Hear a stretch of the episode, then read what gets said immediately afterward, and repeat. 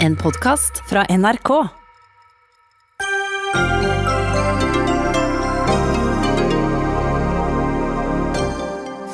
Så er det ikke lenger røde og grønne land, men røde og gule land. Hva betyr de oppdaterte nye reiserådene, og gjelder de bare for nordmenn som vil reise ut, eller gjelder det også utlendinger som vil komme til Norge, spør Dagsnytt 18. Hvem bliver Venstres neste leder? Om kort tid får vi vite hvem, og ikke minst hvor mange som vil ha jobben for partiet som i ett år har ligget under sperregrensen.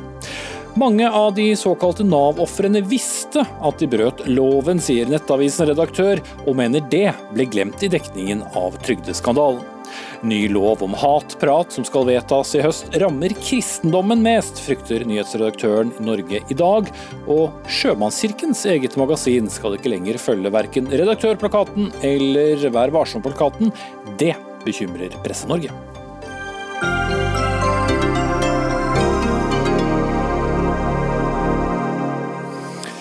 Da sier vi god kveld og velkommen til onsdagens Dagsnytt 18 med Espen Aas, hvor vi også skal komme innom hun som eh, mange sliter med fornavnet på, Kamala Harris. Men det er eh, senere. Så ble det altså slik at det strammes inn på reiser til utlandet. Det ble bekjentgjort på en pressekonferanse i dag. Fem nye land blir røde. Det gjelder Island, Kypros, Nederland, Malta og Polen.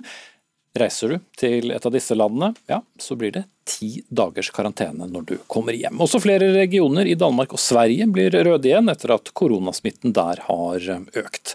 Regjeringen fraråder alle reiser som ikke er strengt nødvendige frem til 1.10, og alle land som eh, tidligere har vært grønne, blir nå gule.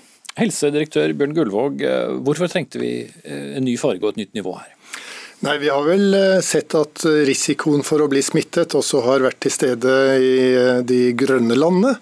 Og Egentlig så er vi nå i en situasjon hvor man kan bli smittet i alle europeiske land. og Derfor er det naturlig å tenke på dem som gule. Altså Det er mulig å reise til dem fordi at vi har nokså lik smittesituasjon i Norge som i de landene. Men det er en risiko, og derfor så tror vi at vi også ved fargekoden kan signalisere enda tydeligere at man må følge de smittevernrådene som gjelder. Mm. Men det ble jo også sagt med de grønne landene at uh, ikke reis med mindre det er nødvendig? Ja, men vi har skjerpet det budskapet også. Sagt at uh, du bør tenke deg grundig om. og uh, og det, det, er fullt mulig å reise hvis det er en helt nødvendig reise, men uh, unødvendige reiser innebærer risiko. Mm. Og, og, Hva er en nødvendig reise? Nei, Det er f.eks. hvis du har en, et husstandsmedlem, en, en, kjæreste, en ektefelle i et annet land, eller det kan være at du har en annen interesse av et eller annet slag. altså Du kan ha en eiendom Gå på polet i Sverige? ja, jeg vil jo si at da begynner du, du begynner da å bevege deg over i det som karakteriseres som unødvendig. Men mm. det er klart, myndighetene har ikke en liste over uh, hva som er de eksakte svarene her. Vi Så opp til folk selv å vurdere hva som er nødvendig? Ja, vi ber folk nå bruke et godt skjønn og bidra til at vi har en så god smittesituasjon som mulig i Norge. Hadde det ikke vært like lett å gå tilbake til der vi var da vi ikke reiste? Ja, På mange måter hadde det jo vært lettere. Eh, det er jo ingen tvil om at eh, reising og utenlandsreising bidrar til eh, økt risiko for smitte. Men det er også veldig mange andre grunner til at vi bør ha åpne grenser. Så det å ha lukkede grenser gjennom hele denne pandemien og til alle land i Europa, det tror jeg ville vært svært vanskelig. Mm. Også Men det ville betydd mindre smitte inn i Norge? Ja, det ville betydd mindre smitte inn i Norge, men det ville også betydd mange andre ulemper. Som f.eks. at mange næringer ville få veldig store problemer. Det kunne bli større sosiale ulikheter i helse osv. Mm. Men det kan også bli en situasjon i et worst case-scenario at det blir langt flere syke og langt mer å gjøre på sykehusene. Det er riktig at uh, hvis vi ikke klarer å stille opp med et uh, forsvar, altså ved at befolkningen både følger smittevernreglene godt, og at uh, vi i det offentlige, altså kommunene og staten, har gode systemer på plass, så kan det utvikle seg slik at vi kommer i en veldig vanskelig situasjon og på nytt må stenge. Men vi tror nå at systemene for å kunne håndtere dette lokalt og ta ned utbruddene etter hvert som de kommer, er til stede på en helt annen måte enn i mars. Men det å gjøre land til gule det er altså først og fremst hvis jeg forstår det riktig, en oppfordring til oss om å da eh, vurdere om det er strengt tatt nødvendig. Men kan fortsatt da folk reise fra utlandet og hit? Altså Utenlandske statsborgere aner vel ikke om vi eh, anser deres land som verken gult eller rødt eller grått eller grønt? Nei, det er riktig. Sånn at, eh, men de får jo informasjon om de kommer fra et gult eller et rødt land. Og eh, Hvis de kommer fra et rødt land, så vet de at de må i karantene når de kommer til Norge. Og så forsterker vi grensekontrollene eh, ved test, koronatestsenteret, hvor det også gis veldig grundig informasjon. Og Vi går gjennom hele reisen til de som kommer til Norge, slik at når man bestiller billetter, så skal man få bedre informasjon om hva som gjelder. Og når man kommer til flyplasser eller havner eller kommuner. Mm. Og Det gjelder alle som kommer til Norge? Det gjelder alle som kommer til Norge, både nordmenn og utlendinger. Mm. Men uh, en tysker kan jo likevel uh, reise fra Tyskland til Norge og smitte like mange som en nordmann som reiser på besøk til Tyskland og reiser hjem? Ja, det er helt riktig. Så, uh, og Her er det gjort naturligvis avveininger som ikke bare er smittevernfaglige, men som har med vårt forhold til våre naboland å gjøre. Mm. Eh, I et opprop i VG går så har jo flere leger, og professorer og forskere mm, bedt om strengere tiltak for å stoppe denne smittespredningen. Og Et navn på den listen det er deg, lege Tromsø, Mats Gilbert. Eh, ble du tilfredsstilt eh, da du hørte pressekonferansen i dag? Ja, på mange måter var det viktige signaler som kom. og Situasjonen er veldig alvorlig. og Jeg er enig med statsministeren i at det er grunn til å være bekymret. Nå trenger vi en hestekur for å komme tilbake til det nivået vi var på før sommeren. Siste uke hadde vi 357 nye smittede. Det er samme nivå som av de verste ukene i april. Og Det er bra at man nå lager gule og grønne land, men det er ikke bra at man ikke har karantene for de som kommer fra gule land. Som eh, helsedirektøren nettopp sa, så kan man godt bli smittet i Tyskland eller i et gult land. Og Det illustrerer jo de siste to ukene. 83 80 av de som var smittet, de kom fra utlandet, og hvert tredje av de kom fra det som var definert som et grønt land til Norge. Så vi mener at det må være karanteneplikt på alle som kommer fra utlandet. Vi må få Samme uansett om det er rødt eller gult? Ja, samme uansett om det er rødt eller gult. Tyskland er gult i dag og kan være rødt i morgen, og da er det for seint. Man rekker å smitte mange på den tiden. Eh, dessuten så var det bra at det kommer 14 teststasjoner på grenseovergangene, men vi mener det bør være teststasjoner på alle store flyplasser og alle steder hvor det kommer reisende til Norge. Og så må vi være flinkere til å opplyse befolkningen om hvor alvorlig denne sykdommen er. Eh, det har vært mye fokus på ungdom i det siste, og eh, de er med urette blitt ja, Vi skal la det ligge, vi tar et poeng av gangen.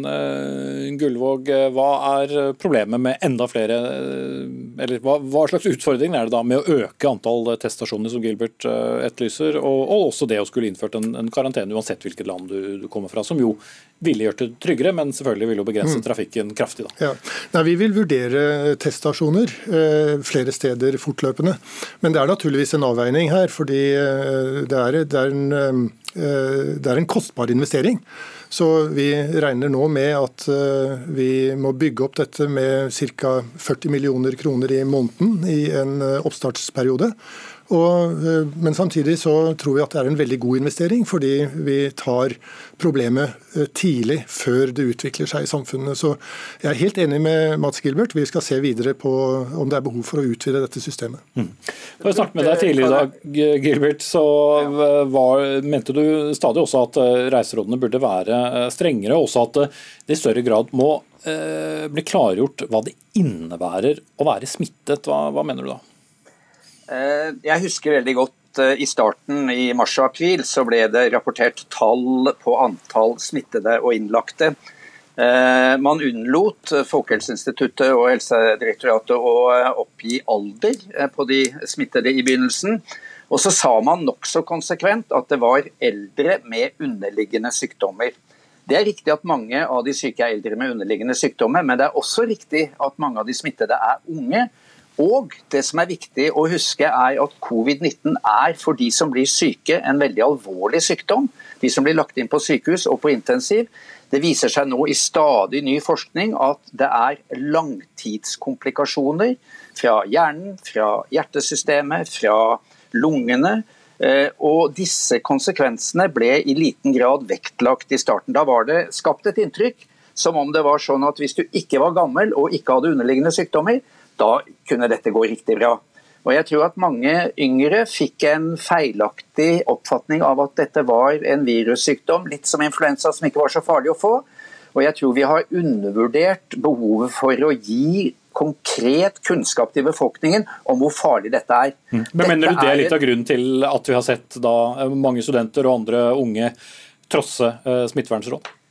Ja, Vi har ikke data på det, men jeg tror sånn uh, mer psykologisk så tror jeg at når du hele tiden får vite at det er bare gamle med underliggende sykdommer som blir alvorlig syke, så kan du få den ideen. Og La meg minne om at uh, gjennomsnittsalderen for de smittede de siste fire ukene er 33 år. 33 år. Og la meg også minne om at 40% av de som blir smittet, de har ikke symptomer, men de smitter likevel aktivt.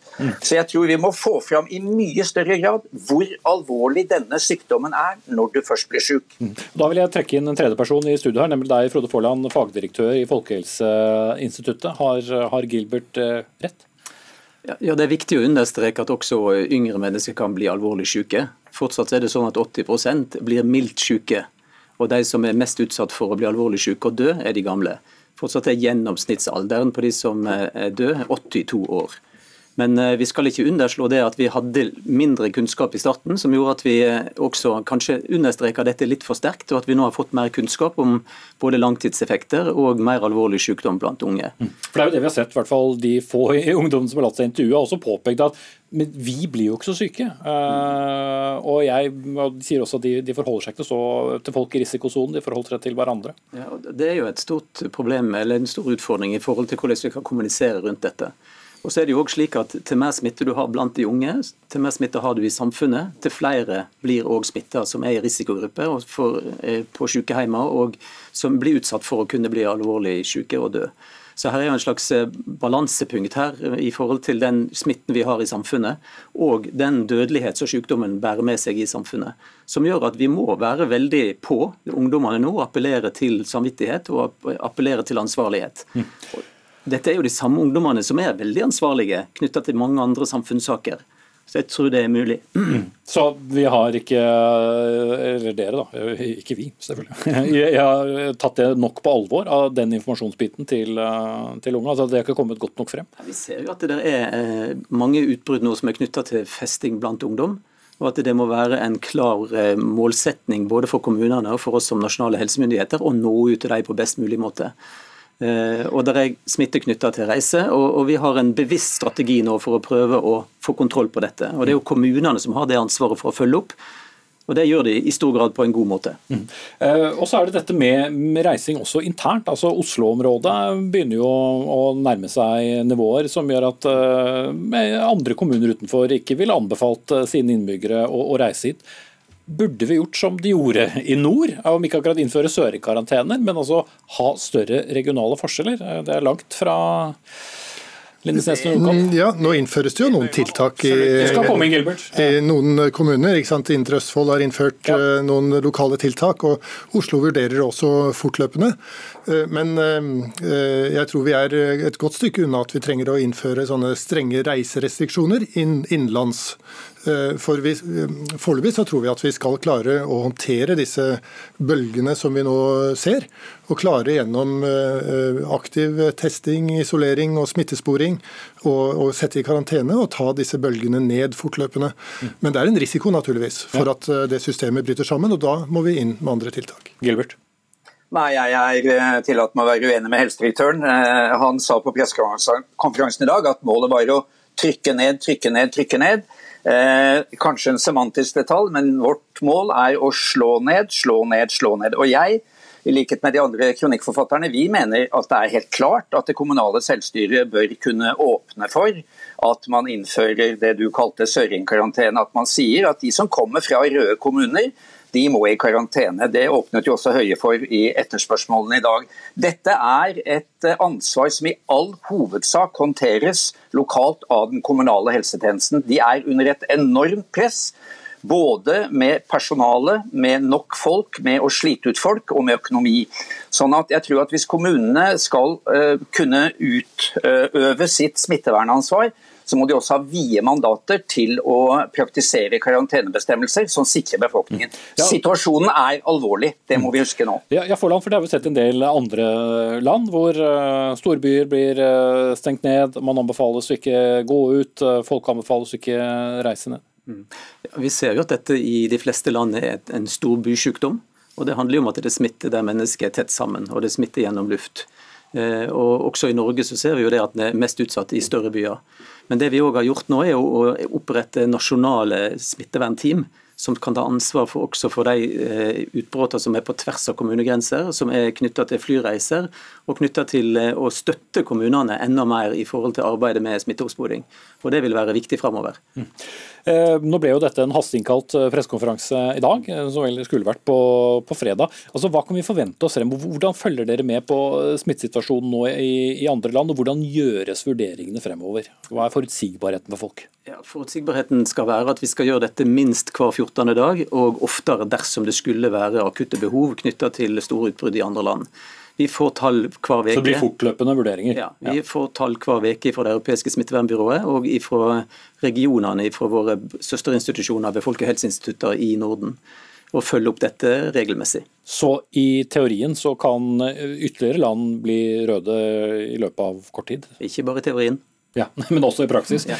Eh, bare helt til slutt. Eh, hvis vi nå, for det har vært snakk og det er pekt på mot så mange årsaker, men Forland, hva mener du er den største årsaken til økningen i smitte nå? Er det, er det utenlandsreisende, er det, er det ungdom? Jeg tror det, er økt reiseaktivitet og økt festing.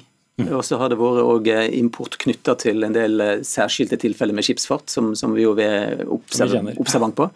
Og så prøver vi òg nå å være enda tidligere ute med informasjon. Det var jo en litt kritikk til oss etter utbruddet på Hurtigruta. Så nå vil vi jo legge ut informasjon om det i flyreiser, der det skal være grunn til å følge opp med, med smittesporing. Mm. Jeg vet Orin Maskelp, jeg må dessverre sette strek der, men det er, det er, viktig stoff, og det er garantert ikke siste gang vi snakker om det i dette studio. Takk til eh, Frode Forland, fagdirektør i Folkehelseinstituttet, Mats Gilbert, lege i Tromsø, og helsedirektør Bjørn Gullvåg.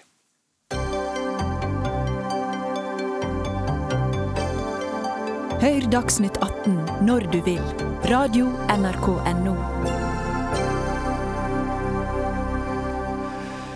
Valgkomiteen i et av landets eh, aller minste partier er fryktelig travle om dagen. Vi snakker om Venstre. Der skal eh, de finne ut eh, hvilke av partitoppene som vil stille som lederkandidater. Som kjent er det stadig kun klima- og miljøminister Sveinung Rotevatn som har kastet hatten inn i ringen.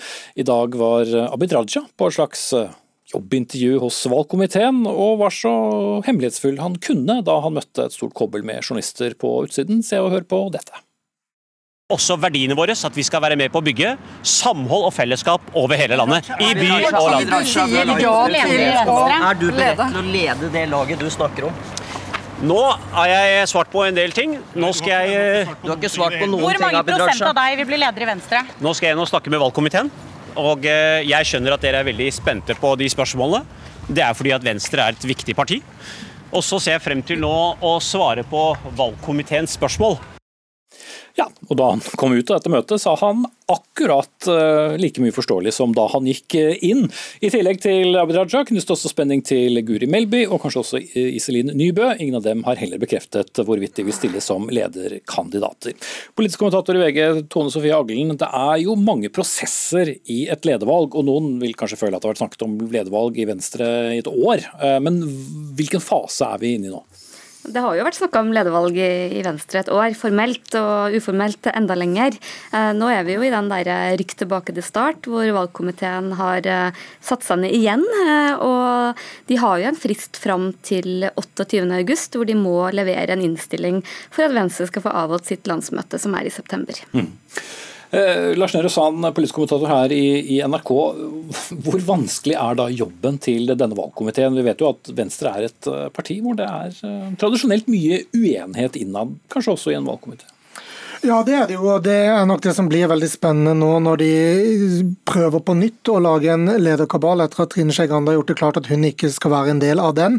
Eh, og Det er jo kanskje mest spenning knyttet til om de klarer å samle seg om én lederkandidat i valgkomiteen, eller om det blir en delt innstilling eh, fra dem. Sist fikk de jo til et kompromisskandidat med da Grande som partileder og eh, Rotevatn og Raja som nestledere, mens nå er jo ikke det like lett, og det må kanskje enten da bestemme seg for uh, hvem av de to herrene som skal på topp, eller om det blir da en delt uh, innstilling. Et annet alternativ er jo at Melby blir den samlende kandidaten som nyter godt av å ikke ha vært en del av denne diskusjonen så veldig lenge uh, som de to, to nevnte herrene. Mm. Men det er en ligning med mange ukjente, i og med det bare én som faktisk har sagt at han stiller, og det er altså Sveinung Rotevatn. Du blir kanskje ikke veldig overrasket Tone Sofie Aglen om Abid Raja også sier at han er lederkandidat. Eh, han har jo kommet med noen ganske kraftige antydninger eh, imellom. Men det lekkes jo gjerne mye i et parti, men denne gangen så lekkes det veldig lite. Nei, og jeg tror nok at valgkomiteens leder har holdt en tordentale til sin valgkomité. For det, det lokket som en sil i forrige runde. Og jeg tror nok det har vært Eh, ganske ødeleggende for eh, tilliten. Så nå tror jeg alle er ganske varsomme med hva som kommer ut. Men det, det er en ganske sånn spesiell prosess, for eh, lederdiskusjonen har liksom ligget der i, Venstre i, i, flere år. Mange har vært veldig opptatt av det. Og når det nå først åpnes for at de faktisk kan ha en, en åpen debatt om hvem som skal lede Venstre, så virker de liksom veldig redd for at folk skal både tone flagg, og mange virker også veldig sånn opptatt av at det skal bli en samla innstilling, istedenfor en, en, en kampvotering som kanskje hadde vært sunt for et parti som Venstre. Mm. Selv om det ikke alltid kan virke sånn, så er det sånn at de fleste i Norge ikke stiller som lederkandidat eh, i Venstre. Men sett utenfra så ser det jo litt pussig ut at det er bare én som sier at han vil, og så venter de andre helt til de må. Hvordan skal vi forstå det? Ja, jeg tror nok at Rotevatn tok en del på sengen med å gå offentlig tidlig ut og, og lansere sitt kandidatur, begrunne det med ønske om en åpen prosess osv. Så, videre. så får vi se hvor mye han nyter godt av det, egentlig i to faser. Først inn i valgkomiteen. Er det vanskelig nå for de å peke på en av de andre som jo ikke har eh, sett seg selv i denne posisjonen offentlig? Eh, og i neste runde har han uh, overbevist nok delegater ved å være den som har vært i feltet lengst, for å si det på den måten. Så er jo verken han eller valgkomiteen garantert at ikke det vil bli motkandidater. Jeg leser Raja slik vi hører han nå, som, som, en som har veldig lyst og entusiasme til å stille til dette valget, ikke minst etter å ha hørt hans, hans tale til pressen, kan man nesten si, på vei inn til valgkomiteen eller jobbintervjuet i dag. Og så vil det jo være en, en tid for å, å, lansere et kandidatur etter at valgkomiteen har levert sin innstilling, enten Raja da står som lederkandidat eller ikke på den listen valgkomiteen komiteen foreslår for landsmøtet. Mm. I forrige runde Aglen, så snakket jo alle bare om Rotevatn og Raja, og for så vidt da Trine Skei Grande, hvorvidt hun skulle bli utfordret eller ikke. Men nå snakker veldig mange også om Guri Melby. Ingen ja. snakket om henne sist. Hvorfor? Nei, og Det er jo det som gjør, det kanskje enda mer vanskelig, at det er et uh, veldig annerledes uh, bilde. For det første så er det jo litt bagasje med fra den forrige prosessen, hvor man fikk en enstemmig innstilling som uh, kollapsa ganske spektakulært, og viste at her var det tre kandidater som ikke hadde den tilliten til hverandre som de måtte ha. Og for det andre så kom jo Guri Melby inn i regjering, kom inn i et departement hvor hun fikk vise seg fram på en positiv måte. Jeg tror jeg har overbevist veldig mange både i partiet og ikke minst uh, utafor partiet om at hun uh, har gjort en, uh, en, veldig god figur og kan være en veldig god kandidat. Og, så nå ligger nok litt sånn ballen i om hun virkelig har lyst. Der, der heller også kortene tett til brystet. Og så, også grunnen til at hun ikke var aktuell i forrige runde, var jo nettopp fordi Trine Skei Grande ønska å fortsette, og hun var ikke en av de som ville utfordre henne. Mm. Eh, helt til slutt, Lars Nehru Sand. Eh, Venstre har ligget under sperregrensen i et år. Det er det minste partiet i regjeringen. Er det viktig hvem som nå overtar etter Trine Skei Grande? Ja, det er det, fordi det vil også si noe om partiets politiske retning. og Det er jo en person som skal samle et lag og et parti og gå til valg om eh, litt over et år. Eh, og har da dårlig tid på å eh, stable på bena et valgkampmaskineri som kan hjelpe Venstre over sperregrensen. Så er det jo spesielt, også blant de andre partiene på borgerlig side, et ønske om at den avklaringen, som enn så lenge er jo Venstre et slags politisk vakuum som parti, at den avklaringen om hvem som da vinner frem og hvilke hvilke tanker som da blir gjeldende, og hvordan Venstre blir, eh, blir som parti eh, fremover. At det skal eh, hjelpe Venstre over sperregrensene og borgerlig side til, til fortsatt makt for de som ønsker det. Mm drøyt år har de på seg til det. Takk skal dere ha, Tone Sofie Aglen fra VG og Lars Nehru Sand her fra NRK. Svaret får vi altså 26.9, en dato som jeg kanskje kunne finne noe spennende på når det gjaldt eh, norsk politikk, men det eh, eneste jeg fant var at det var fødselsdagen til Olivia Newton-John, og det trenger vi kanskje ikke å bruke til noe. Kanskje går da denne dagen inn i historien. I morgen blir det i hvert fall Trine Skei Grandes siste deltakelse i en partilederdebatt. Det skjer i programmet Debatten her på NRK1.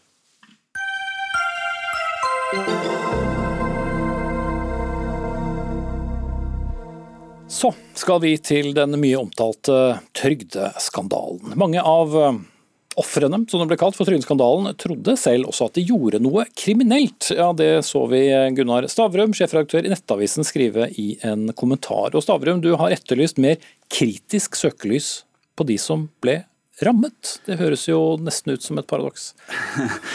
Altså Det som fikk meg interessert i dette, det er jeg sett uh, når jeg så liksom det tiende intervjuet med et såkalt offer for trygdeskandalen, hvor journalisten unnlot å stille det helt naturlige spørsmålet, nemlig var du i god tro? Trodde du at du hadde rett på disse pengene, eller oppga du feil opplysninger og løy? Og Da reagerer jeg på at pressen på en måte blir unyansert og ikke gir det, det fulle bildet for folk. Og så tror jeg det er faktisk negativt fordi de intervjuer, for veldig mange sitter og gjør seg den tanken og skulle gjerne hørt svaret på det spørsmålet. Mm. Men det er vel også helt riktig at det var en del som eh, ble tatt på senga eh, og trodde at de gjorde noe riktig. I hvert fall det har det vært flere med i Dagsnytt 18 som, som, trodde at de gjorde noe riktig, og så får de plutselig brev fra politiet eh, senere. Ja, altså nå, nå, er det jo selvfølgelig store variasjoner i hele den mengden personer. Men hvis hvis du bare tar hovedmønsteret, så er jo det at man har fått opplysninger om at, om at forutsetningen for å få disse trygdepengene er at man var i Norge. Eh, så måtte man skrive under på noen dokumenter, og så måtte man sende inn dokumenter. Og en stor gruppe eh, svarte både falskt på det de skrev av dokumenter, og de løy også om hvor de var når de, når de leverte skjemaene. Eh, og når de ble tatt, så ble også mange av de tilsto og tok en tilståelsesdom. Altså De prøvde ikke engang å prosedere på at eh, de ikke hadde vært trygdemisbrukere. Mm. Men så viste det seg da at eh, de gjorde jo ikke noe galt likevel, fordi de kunne reise til utlandet. Advokat Olav Legreid, du har kalt Stavrums betraktninger rundt det hele for utidig, men er det det? Ja, det syns jeg det er. jo Spesielt når han kaller disse ofrene for Nav-skandalen for såkalte ofre. Dette er ikke såkalte ofre, det er ofre. Og det må vi sette et punktum ved først, før vi går videre. Så er det jo altså sånn at uh, det er forbudt å gi uriktige opplysninger til Nav. Det er straffbart i seg selv. Utspringet for denne diskusjonen som vi har her, det er da en såkalt lederartikkel i Nettavisen. og denne artikkelen den tar bl.a. utgangspunkt i at loven kunne vært utformet annerledes. Eh, og da Til Stavrums orientering så er det jo da slik at loven er god nok som den er. Eh, det er altså sånn at eh, det er strenge forpliktelser som hviler på alle som mottar ytelser fra Nav. Man har en opplysningsplikt etter folketrygdloven 21.3, og det er også en straffebestemmelse i folketrygdloven i paragraf 25.12.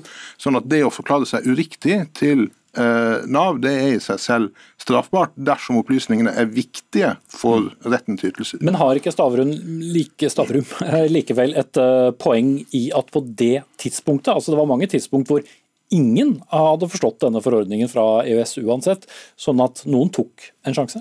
Ja, og I så fall så er det jo da mer et moralsk poeng, det er ikke et juridisk poeng. og Det tror jeg også eh, Stavrum er enig i ut fra det jeg har sett i denne lederartikkelen hans. at det er da Eh, mer på en moralsk arena Stavrum befinner seg når han kommer med disse synspunktene. Mm. For det har vel ikke så mye å si nå?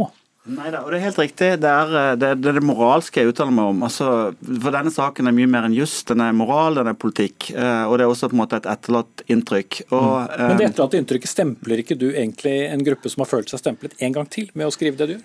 Nei, jeg gjør ikke det. For det, det, du kan tenke deg tre personer som alle får arbeidsavklaringspenger. Og alle får beskjed om at de skal holde seg i Norge for å få disse pengene. For å kunne ta imot tilbud for å komme tilbake til arbeidslivet. Den ene drar til Kanariøyene, den andre drar til Karachi i Pakistan, og den tredje holder seg i Norge og følger loven. Eh, alle tre eh, tror at reglene er, sånn, er som de ble presentert som, men i dag er vedkommende som dro til Pakistan, han er faktisk en trygdemisbruker, mens vedkommende som dro til, til Kanariøyene, gjorde noe som han eller hun trodde var ulovlig. Og da er det ikke et offer i mine øyne, moralsk. Dette spørsmålet her er jo også drøftet i den granskingsrapporten som granskingsutvalget har uh, kommet med nå. og Der er det jo ganske enkelt fastslått at uh, det er ikke straffbart å gjøre noe man tror er straffbart, og forklare seg uriktig om det. Nei da, det skriver jeg også i Jeg leste den rapporten og skriver også i min, i min lederartikkel. Men det blir litt som å dra For å ta et veldig grovkorna eksempel. Hvis du drar til Amsterdam og kjøper en kilo kokain for å smugle til Norge, så blir du stansa på grensa, så det er lurt, det var potetmel. Juridisk slipper du unna, men moralsk i mine øyne så slipper du ikke unna. Mm. Men da vil du egentlig sette en liten moralsk dom over noen av disse? da? Jeg vil nyansere bildet, for jeg syns ikke det er et riktig bilde. Det, det på en måte går inn i en sånn vanlig journalistisk fortelling om det lille mennesket som blir, blir misbrukt av det store systemet. og Denne, denne saken her synes jeg er mye mer nyansert enn som så. Men du, Stavrum, altså jeg lurer på, Hvordan mener du at loven skulle vært forandret? da? Altså Du mener jo at loven kunne vært utformet annerledes. På hvilken måte? Ja, nå, for, nå, forsøker du å få meg inn i, i jussens verden, men jeg holder meg i politikken og moralens verden. og eh, Politikerne ønsker jo at det skulle være sånn at du måtte være i Norge for å ta imot disse trygdeytelsene. Og moralsk så er mitt poeng at liksom du Trygdesystemet vårt er avhengig av at folk faktisk oppgir korrekte opplysninger og ikke jukser til seg trygd. Og Da eh, syns jeg at de to poengene er eh, ganske tungtveiende. Mm. Men du vet ikke noe om fordelingen av hvem som gjorde dette med overlegg, og hvem som ikke gjorde det? Altså Jeg vet jo at alle som fikk disse trygderettighetene, måtte skrive under på papirer hvor de oppgår hvor de skulle være. sånn at det er all grunn til å tro at et stort flertall av disse personene har oppgitt at de var et annet sted enn der de var. Mm. Men flere har jo fortalt også at de fikk tillatelse til å, å reise? Ja, du kunne jo, du kunne jo få tillatelse til å reise også.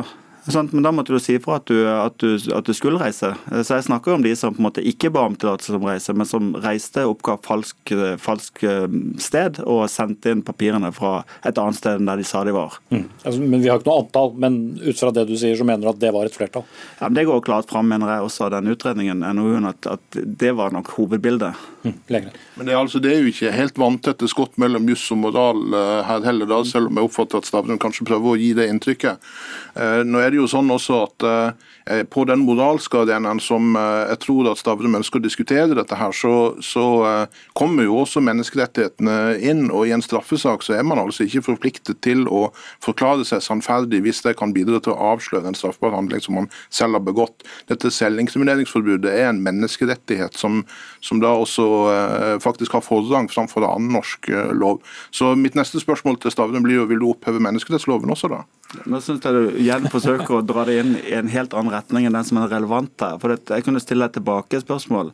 Synes du at det er rimelig at folk oppgir sanne opplysninger når de skal få trygdepenger fra den norske staten? Ja, Det er jo noe som allerede følger loven at de skal gjøre det. Ja. Jo, men uh, gir du Stavrum rett i at det var veldig liten tvil om, uh, både ut fra de politiske signalene og Navs signaler, om at du skulle være i Norge dersom du var på en midlertidig stønad i den perioden? Nei, Bildet framsto jo selvfølgelig helt entydig for alle sammen. Og så mm. viste det seg at det bildet var feil, da. Mm. Ja. Ja. Vi kommer ikke noe lenger eh, der, men vi har fått uh, hvert fall belyst det her. Takk til Gunnar Stavrum, redaktør i Nettavisen, og Olaug Legreid, advokat.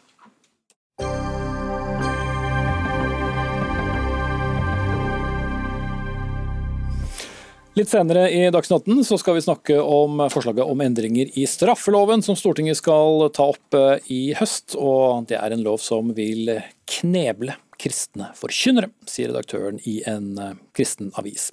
Men det var en eh, aldri så liten begivenhet som skjedde i USA i går, som har fått voldsomt stor oppmerksomhet her hjemme også.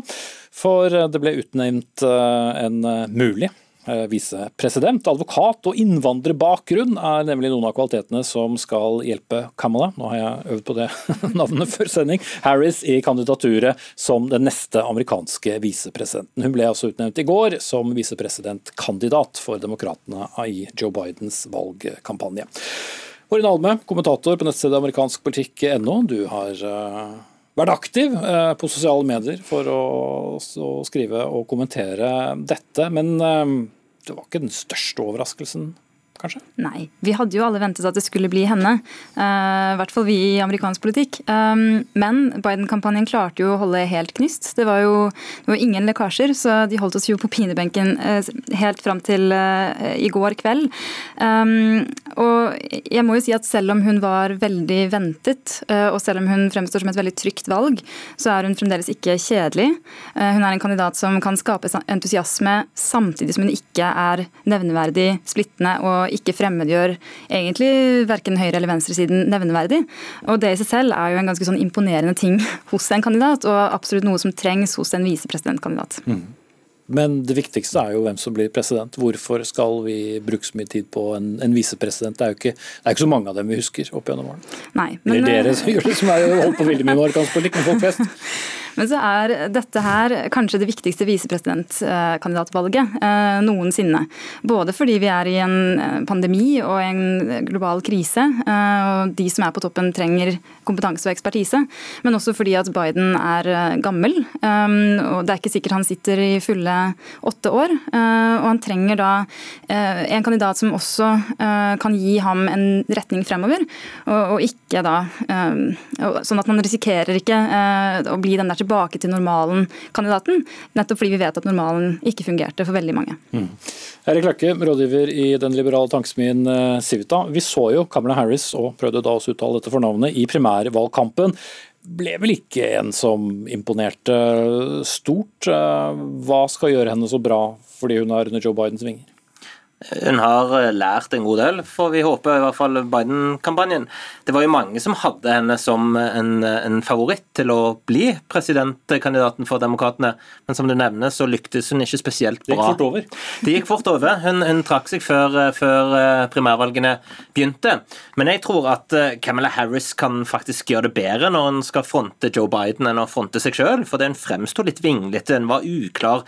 Hun, den positive måten å si det her på er at hun er en pragmatiker den negative siden er at hun var veldig uklar. Men nå skal hun fronte Joe Biden og så våre nevne. Så er hun energisk. Hun har en evne til å få med seg folk, og det tror jeg skal komme godt med i denne valgkampen. Mm. Men blir det det vi først og fremst kommer til å se at hun gjør, eller blir det litt som Våren Alme snakker om, at eh, det er også en periode etter, eh, hvis da Joe Biden skulle vinne dette valget, som blir enda viktigere for henne? Ja, altså, eh, Du nevnte jo at en mulig visepresident eh, som blir utnevnt, kan være en mulig president. Og så er det jo slik at De fleste husker jo ikke rundt på hvem som er visepresidenter, men veldig mange av de blir også presidenter. Så dette var også et strategisk valg for demokratene framover. For som, som, også ble nevnt, Joe Biden kan hende ikke sitte i åtte år. Hun kan bli president i 2024, eventuelt senere. Hun er 55 år i, i disse dager, så dette er veldig ungt så hun har jo også fremtiden foran seg. Så det kan være at vi snakker om en mulig fremtidig president. Mm. Og i og med det er blitt stilt en del spørsmål ved Joe Bidens uh, helse, uh, kan det i seg selv uh, på en måte da bedre hans kandidatur at det er en som er over 20 år yngre som, som, står i kulissen? Ja, og det har han jo også sagt selv, at han trenger en som kan kompensere for hans svakheter, samtidig som den personen gjerne også skal dele hans styrker. Um, og så er det jo sånn at Joe Biden gikk til valg på å kunne samle og lege landet. Altså Hans slagord er jo gjennom gjenoppbygge nasjonens sjel. Um, så, så en kandidat som da ikke splitter, uh, samtidig som hun kan gi et mandat etter valget, dersom han skulle vinne. Uh, det ville være hans vinnerkombinasjon. Og jeg tror kanskje han har funnet nettopp det. Mm -hmm. Men uh, Erik Løkke, du sier at Cameron Harris var ganske hard i klypa som aktor da hun holdt på i California. Kan det bli problematisk for henne nå? Ja, det er iallfall persepsjonen, at hun var veldig hard i klypa. Så kan man sikkert debattere hvor hard hun egentlig var, men hun ble møtt med kritikk for dette under eh, primærvalgkampen blant demokratene. Da skal man jo huske på at dette er også fra venstresiden i demokratene, og demokratene har jo gått mer til venstre de siste årene.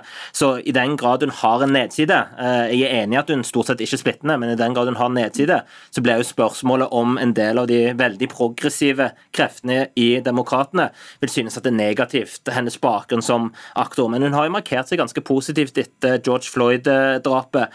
Og, og, hun vil nok, vil jeg tro, kunne forsvare og si type sånn Ja, jeg gjorde en del ting den gangen, ting har utvikla seg, og jeg vet ikke hvor mye hun vil forsvare alle disse tingene, men man skal huske på at det også kan være en positiv ting. Hvis, eh, eller ikke hvis, når Donald Trump nå går i gang med å karakterisere Joe Biden og Kamala Harris som soft on crime, så kan hun jo da henvise til sin tidligere karriere som aktor om at eh, det stemmer ikke. Det er under tre måneder igjen til valget, Våre Nalme. Hvor mye kommer vi til å se henne? Jeg tror hun kommer til å være veldig synlig, til forskjell fra da Biden. Hittil, i hvert fall. Han blir selvsagt også mer synlig nå som landsmøtet er jo neste uke. og etter Det det er jo startskuddet for eh, hovedvalget. Ja, hvor det da blir offisielt at han Mhm. er kandidaten. Og at hun er visepresidentkandidaten. Ja. Så det blir en, en fest for demokratene. Ikke en fest, det blir virtuelt. Men det blir en, en begivenhet. Um, og, og etter det så kommer hun kun til å være veldig synlig. Både for å skape entusiasme og sikre valgoppslutning, selv om det nå blir mye gjennom post osv., men også for å være, eh, altså, gå rett til angrep mot uh, Trumps eh, kampanje. Og vi, vi har jo sett, uh, bare for å gå litt inn på det Eirik sa, altså, uh, vi har jo sett at Trump allerede har kommet med reklamer som, som forsøker å klistre Kamala Harris til venstresiden, og gjerne også da til dette Defend the Police, som Biden har forsøkt å ta avstand fra. Så sånn sett så kan jo det at han har valgt en kandidat som ikke er helt over mot venstresiden, være en fordel for ham. Kamela kom gjennom nåløyet, skal vi si sånn. Eirik Løkke, rådgiver i tankesmien Civita, og Vårin Alme, kommentator på nettstedet amerikanskpolitikk.no. Takk skal dere ha. Vi kommer til å snakke mye om denne damen fremover, det er jeg sikker på.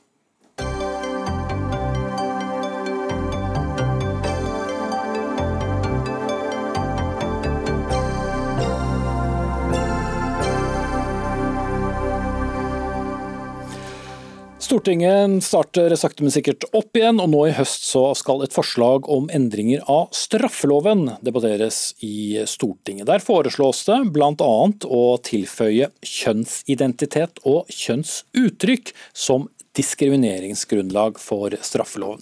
Hensikten er da eh, å styrke vernet for transpersoner og andre som har en kjønnsidentitet eller et kjønnsuttrykk som eh, skal vi si, bryter med omgivelsenes forventninger, for å si det på en litt krøkkete måte. Forslaget det kommer eh, på bakgrunn av at Arbeiderpartiet tidligere har fremmet dette forslaget. Men Bjarte Ystebø, du er assisterende redaktør for den kristne avisen Norge i dag.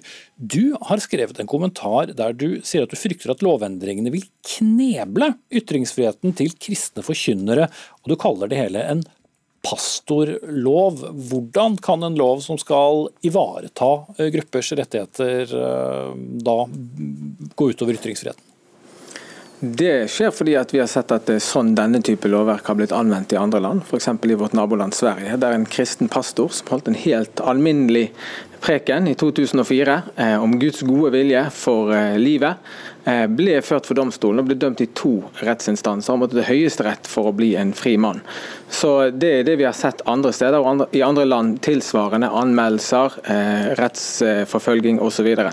så det er grunnen til at eh, jeg tror dette kommer til å skje også i Norge. Men Og det hvis du kan være et konkret, de som, eh, de, som, de som har fremmet disse lovforslagene, har jo ikke svart på hvilke ytringer, hvilke personer, hvilke situasjoner er det de egentlig mener ikke blir rammet av dagens lovverk. Det har ikke de svart på.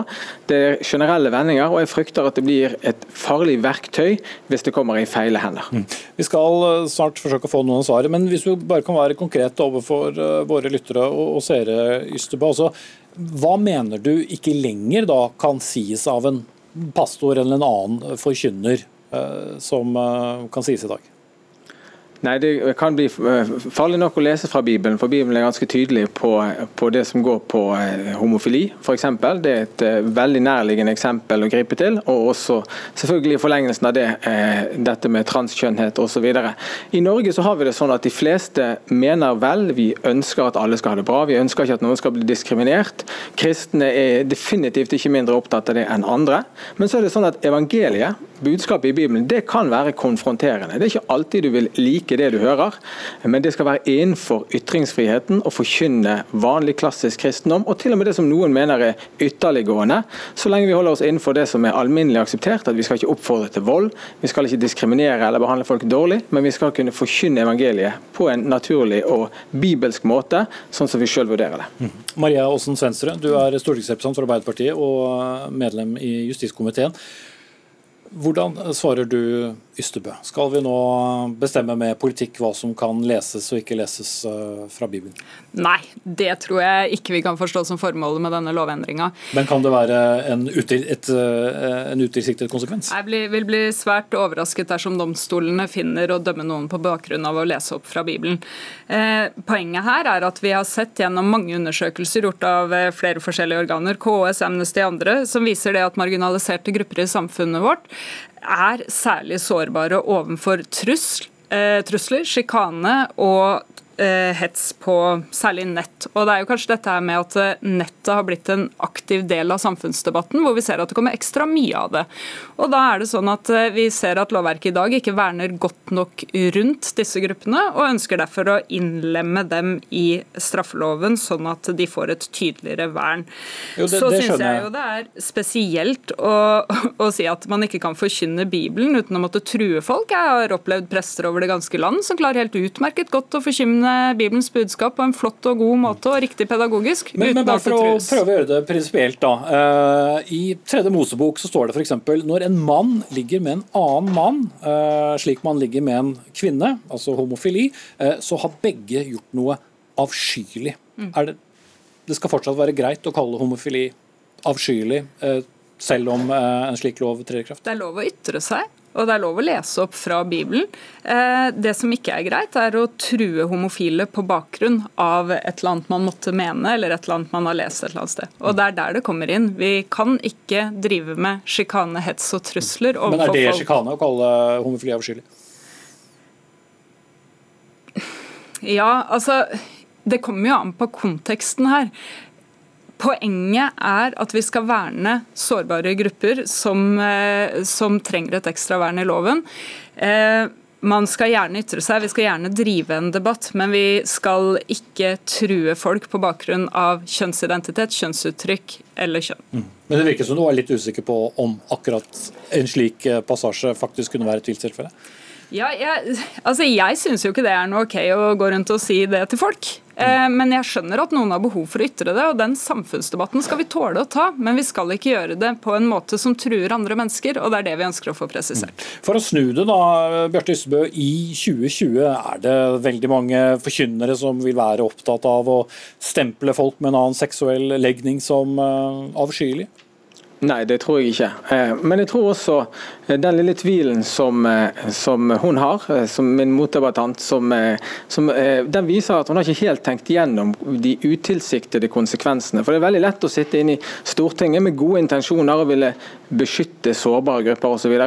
Mitt svar på det er at vi har allerede et, lov, et vern i dag i lovverket mot ærekrenkelser, mot diskriminering, mot trusler om vold, og det er tilstrekkelig. Vi trenger ikke innskrenke ytringsfriheten. og i tillegg tillegg så er det som, eh, For å svare på spørsmålet litt. I dag så eh, syns jeg at vi generelt eh, omtaler hverandre på en god måte. Kristne forkynnere og pastorer er ikke noe unntak. Tvert imot. De er noen av de varmeste menneskene du kan møte på. Men evangeliet kan være et budskap som konfronterer både det du sier, det du tror og måten du lever livet ditt på. Det har vi alle erfart som kristne. Det er derfor vi har vent oss til den kristne tro. Og det ytringsfrihetsrommet det kommer til å bli innskrenket. Og denne lille tvilen som du viser til, den understreker bare at dette har dere ikke tenkt gjennom. Så jeg sier dra i bremsen på dette lovforslaget. Og eh, vern om ytringsfriheten, det er en viktig verdi. Og en dag er det oss kristne som trenger ytringsfrihetsvern, en, dag, en annen dag kan det være deg. Mm.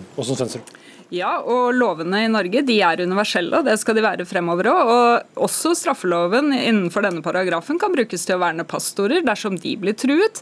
Eh, sånn at eh, altså Vi lager jo ikke lover på Stortinget for å gå etter enkelte samfunnsgrupper, men vi kan lage lover for å verne rundt enkelte samfunnsgrupper. og Akkurat den forskjellen der, den eh, tror jeg det er viktig å ta inn over seg. Mm. Og De fleste hellige skrifter er jo ikke akkurat uh, skrevet uh, i, i, i, nyere tid. De fleste religioner har klare oppfatninger av hva som er moralsk, eller var mm. moralsk, og ikke moralsk da. Men det skal likevel få lov til ytres. Ja, altså det er lov. Ytringsfrihet, religionsfrihet. Ja, saklig debatt om samfunnsutvikling, og kanskje til og med utvikling i teologien. Jeg er ingen teolog. Det skal være lov, det skal vi kunne debattere, og det er jeg sikker på at eh, mange ønsker å debattere. Men det går helt fint an å føre en debatt uten å hetse, uten å sjikanere, uten å true. Det er jeg overbevist om at vi skal få til fint framover. Og det går an også å videreføre den debatten uten å innskrenke og sette nye stengsler innenfor ytringsfriheten. Dette går veldig bra i Norge. Eh, mitt budskap til Stortinget er la de lovene som vi har på dette området gjelde. og Kommer det opp nye tilfeller som er vanskelige å håndtere, så kom med konkrete eksempler og si hvordan disse ikke dekkes av de strenge reglene vi har i Norge mot injurier, mot oppfordringer til vold og mot diskriminering av alle mennesker. Ok, Jeg må sette strek der, men det blir altså mer debatt øh, i Stortinget når denne loven skal debatteres der.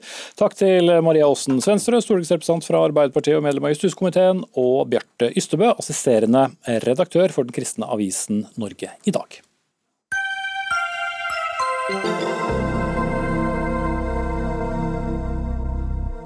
Og det skal eh, for så vidt fortsatt handle om skrevne ord. For nylig ble det kjent at eh, redaktøransvaret for Sjømannskirkens eget magasin Hjem ikke lenger skal følge verken Vær varsom-plakaten eller Redaktørplakaten. Dette skjer fordi ansvaret nå skal flyttes til organisasjonens generalsekretær. Og Det har fått flere det fra Presse-Norge til å reagere hvor det bl.a.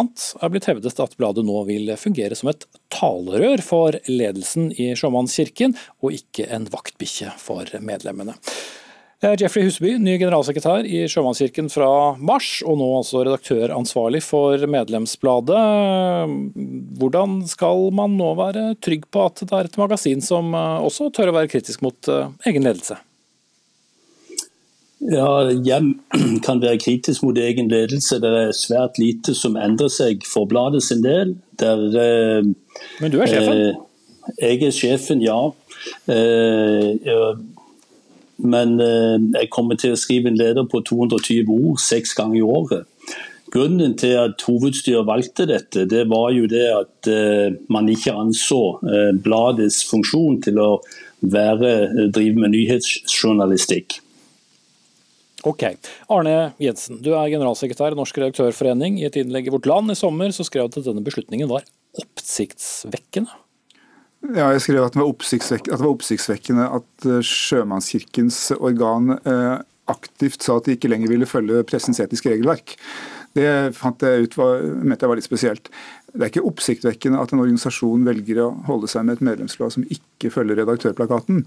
Eh, men jeg syns først og fremst at det er litt trist. da, eh, fordi eh, Sjømannskirken er en institusjon men, som står sterkt i, i, norsk bevissthet. Det er en ganske stor organisasjon. Vi har 150-60 ansatte, hvis ikke jeg tar feil. Og, og, er på plass mange steder i verden. og De har en, en, en plass i norsk bevissthet. Og de driver med, med ting som er samfunnsmessig relevant. Da syns jeg det er synd at de ikke vil holde seg med et blad hvor man har en fristilt redaktør som kan uavhengig driver journalistikk på det temaet, de områdene som Sjømannskirken dekker og deres virksomhet. Det syns jeg vil være fint. Men de gjør ikke noe ulovlig og de gjør ikke noe etisk galt i og for seg. Jeg bare syns det var litt rart og som sagt litt trist. Mm. Men har Hjem vært et magasin hvor det har vært mye avslørende journalistikk om Sjømannskirken? Nå må jeg være ærlig og si at jeg har ikke vært fast leser av Hjem, for å si det sånn. Og, så det kan jeg ikke si noe om. Men, men det har jo noe med med eh, hva er det presten Brann i Ibsen sier, det er viljen som det gjelder. Viljen frigjør eller feller. Eh, og Så lenge man velger aktivt å holde seg med redaktørplakaten, så er det som tidligere Vårt Land-redaktør Helge Simones eh, skriver i et innlegg, at da har man gjort et valg. Og da velger man, og da ønsker man å ha fri journalistikk. Mens det Sjømannskirken nå signaliserer, er at det ønsker vi egentlig ikke.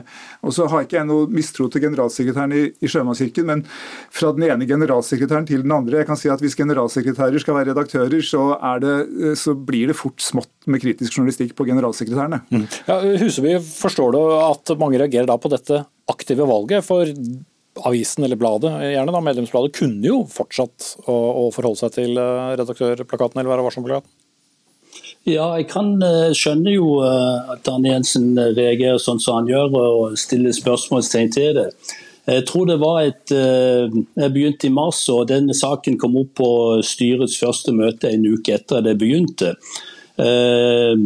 Vi betrakter jo Hjem som et organisasjonsblad som brukes til å spre informasjon om Sjømannskirken og samle inn penger. Eh, det er ikke et medlemsblad som sådan, det er en svært liten del av våre medlemmer som abonnerer på eh, Hjem. Så, eh, så, det er mer et slags inspirasjonsblad som skal skape engasjement og begeistring for arbeidet. Når det gjelder driften av bladet, så kommer ikke det heller til å endre seg. For det at redaksjonen jeg skal ikke delta i redaksjonen, og de har en like fri stilling som, som før. Men i prinsippet så kunne du sagt nei til en artikkel som satte deg i dårlig lys? Eh, ja, det kunne jeg selvsagt. Eh, men jeg vil tro at eh, styret i Sjømannskirken er vel så egnet til å passe på og overvåke generalsekretæren, som er et medlemsblad okay. som har den funksjonen. Mm. Trygve Jorheim, du er kommunikasjonsdirektør i KA, som er arbeidsgiverorganisasjonen for kirkelige virksomheter. Du har også kommentert denne saken i, i Vårt Land, og mm, ja, du fikk ikke eh, så mye uh, raskere puls da du leste dette? Nei, altså dette var jo førstesideoppslag i Vårt Land for noen uker siden. Den frie og uavhengige presse gravde fram dette her på egen kjøl. Den frie og uavhengige presse som både Arne Jensen og jeg hyller så ofte vi kan. Og sånn skal det jo være. Gunnar Bodal Johansen, presseetikkekspert, sier da i det oppslaget at her står man i fare for å kvele debatt. Det syns jeg faller på sin egen urimelighet i et, i et, land med så mye ytringsfrihet og så mange kommunikasjonskanaler og debattflater som vi har her. Så følger vårt land opp på lederplass med å kalle dette for et etisk valg. Og Så kommer Arne Jensen og kaller dette for oppsiktsvekkende. Eh, og Hver for seg og i sum så gjør jo det at de som ikke kjenner dette fagområdet, altså pressefaget, blir sittende med inntrykk av at her gjør Sjømannskirken noe veldig uvanlig, noe uetisk, noe nesten litt suspekt. Arne Jensen presiserte at det var ikke det han mente her? Nei, nei men, eh, men, altså, noen av oss eh, lever jo livet vårt i denne andedammen, og andre gjør jo ikke det, og, og lener seg jo da på det som kommer fra, fra tunge instanser i Presse-Norge. Men det er jo ikke sånn at det er vanlig å ha et organisasjonsblad som har redaksjonell uavhengighet fra egen ledelse. Det er faktisk veldig veldig uvanlig. Så her går man fra en veldig uvanlig situasjon til en ganske vanlig situasjon. Og så blir man sittende igjen med inntrykk av at dette var rart. Og det, det vil jeg protestere på. Ja, Arne Jensen, vi, vi, er jo veldig glad i pressen å snakke om det etterlatte inntrykk. Man kunne kanskje få et litt annet etterlatt inntrykk av, av deg her også? Ja, Nå skal jeg svare for meg selv og ikke for verken Gunnar Bodal Johansen eller Vårt Land. Som ikke er invitert hit engang? Nei. Eh, så så, men, men, jeg mener jo, eh, for det første så er det sånn at det er mange eh, organisasjonsblader i Norge som håndterer dette. Fagpressen har 200 eh, 20 medlemmer eller der omkring. Eh, alle er forpliktet på redaktørplakaten. Mange av dem er blader for betydelig mindre organisasjoner enn eh, Sjømannskirken. Og i hvert fall organisasjoner med en langt mindre samfunnsmessig posisjon enn Sjømannskirken. Det er noe som jeg syns teller, eh, teller, med i dette bildet. Og så har jeg vært veldig nøye på å si, og, og gjenta gjerne det, at dette er et man, Sjømannskirken står helt fritt. Men det man velger, det er skal vi ha et, et medlemsblad som skal være et organ for uh, forbundsledelsen og styret med informasjon ut til medlemmene, eller skal vi ha et journalistisk fundert eh, prosjekt med en uavhengig redaktør som skal drive uavhengig journalistikk. Eh, og det, er, det, Verken det ene eller det andre er ulovlig eller etisk galt, men man gjør et valg. og Jeg personlig vil gjerne at flest mulig samfunnssektorer skal holde seg med den type blader som kan drive uavhengig journalistikk. Eh, og, og, og det er sånn, Trygve Jorheim har sagt at ja, men dette får jo, vi har jo så mye pressestøtte og dette kan andre redaksjoner ta seg av. Ja, Trygve vet mye, like godt som meg, at der har det vært betydelige nedskjæringer over mange år. Og vi har ikke for mange journalister i Norge, vi har for få. Mm, ja, vi har jo eh, nedskjæringer i i, min sektor, altså kirkelig sektor også, så på en måte så faller det argumentet litt mot det. Eh, jeg synes jo da, eh, og det er jo mitt eh, utgangspunkt som tidligere pressemann og tidligere kirkeredaktør i vårt land, at det blir litt defensivt da, å tenke at dette skal organisasjonene gjøre selv. Vårt Land, som da ikke er her eller ikke er invitert, skriver at det, det er tankevekkende at man overlater altså de mm. betente ja, sakene til eksterne medier. Men, men, det er jo Vårt Land eh, som, som, skal være best på denne typen saker i disse organisasjonene. Og eh, jeg syns det var en, en, merkelig selvforståelse som ble signalisert der. Jeg tenker at vi heller må, må heie fram den frie og uavhengige pressen, fordi det viser seg, som jeg skrev i et innlegg som jeg da ikke har tid til å, å eh, sitere, sitere så mye fra. Men det viser seg jo da eksempler både fra vårt lands interne liv de siste åra, og fra Sjømannskirkens interne liv de siste åra, og andre organisasjoner, at dette gjøres best på en helt fri og uavhengig kjøl, okay. frikoblet fra organisasjonen. 20 sekunder til deg til slutt. For å forsvare nåværende medlemmer mot tidligere medlemmer. Eh, si at, jo, men det er ikke slik at vi forventer at den, nødvendigvis den skarpeste journalistikken på Sjømannskirken skal komme fra hjem. Men vi vet at veldig mange saker som dukker opp i de fagbladene som er uavhengige, de blir tatt plukket opp av andre medier senere og blir utviklet og havner i offentlighetens lys vel fortjent. Men det starter med lyttepostene der ute, og de må ha muligheter til å, å bringe frem eh, informasjon som selv ikke ledelsene er glad i. Okay, takk skal du ha, Arne A. Jensen, generalsekretær i Norsk redaktørforening. Takk til Trygve Jorheim, kommunikasjonsdirektør i KA, arbeidsgiverorganisasjon for kirkelige virksomheter, og Jeffrey Husby, generalsekretær i Sjømannskirken.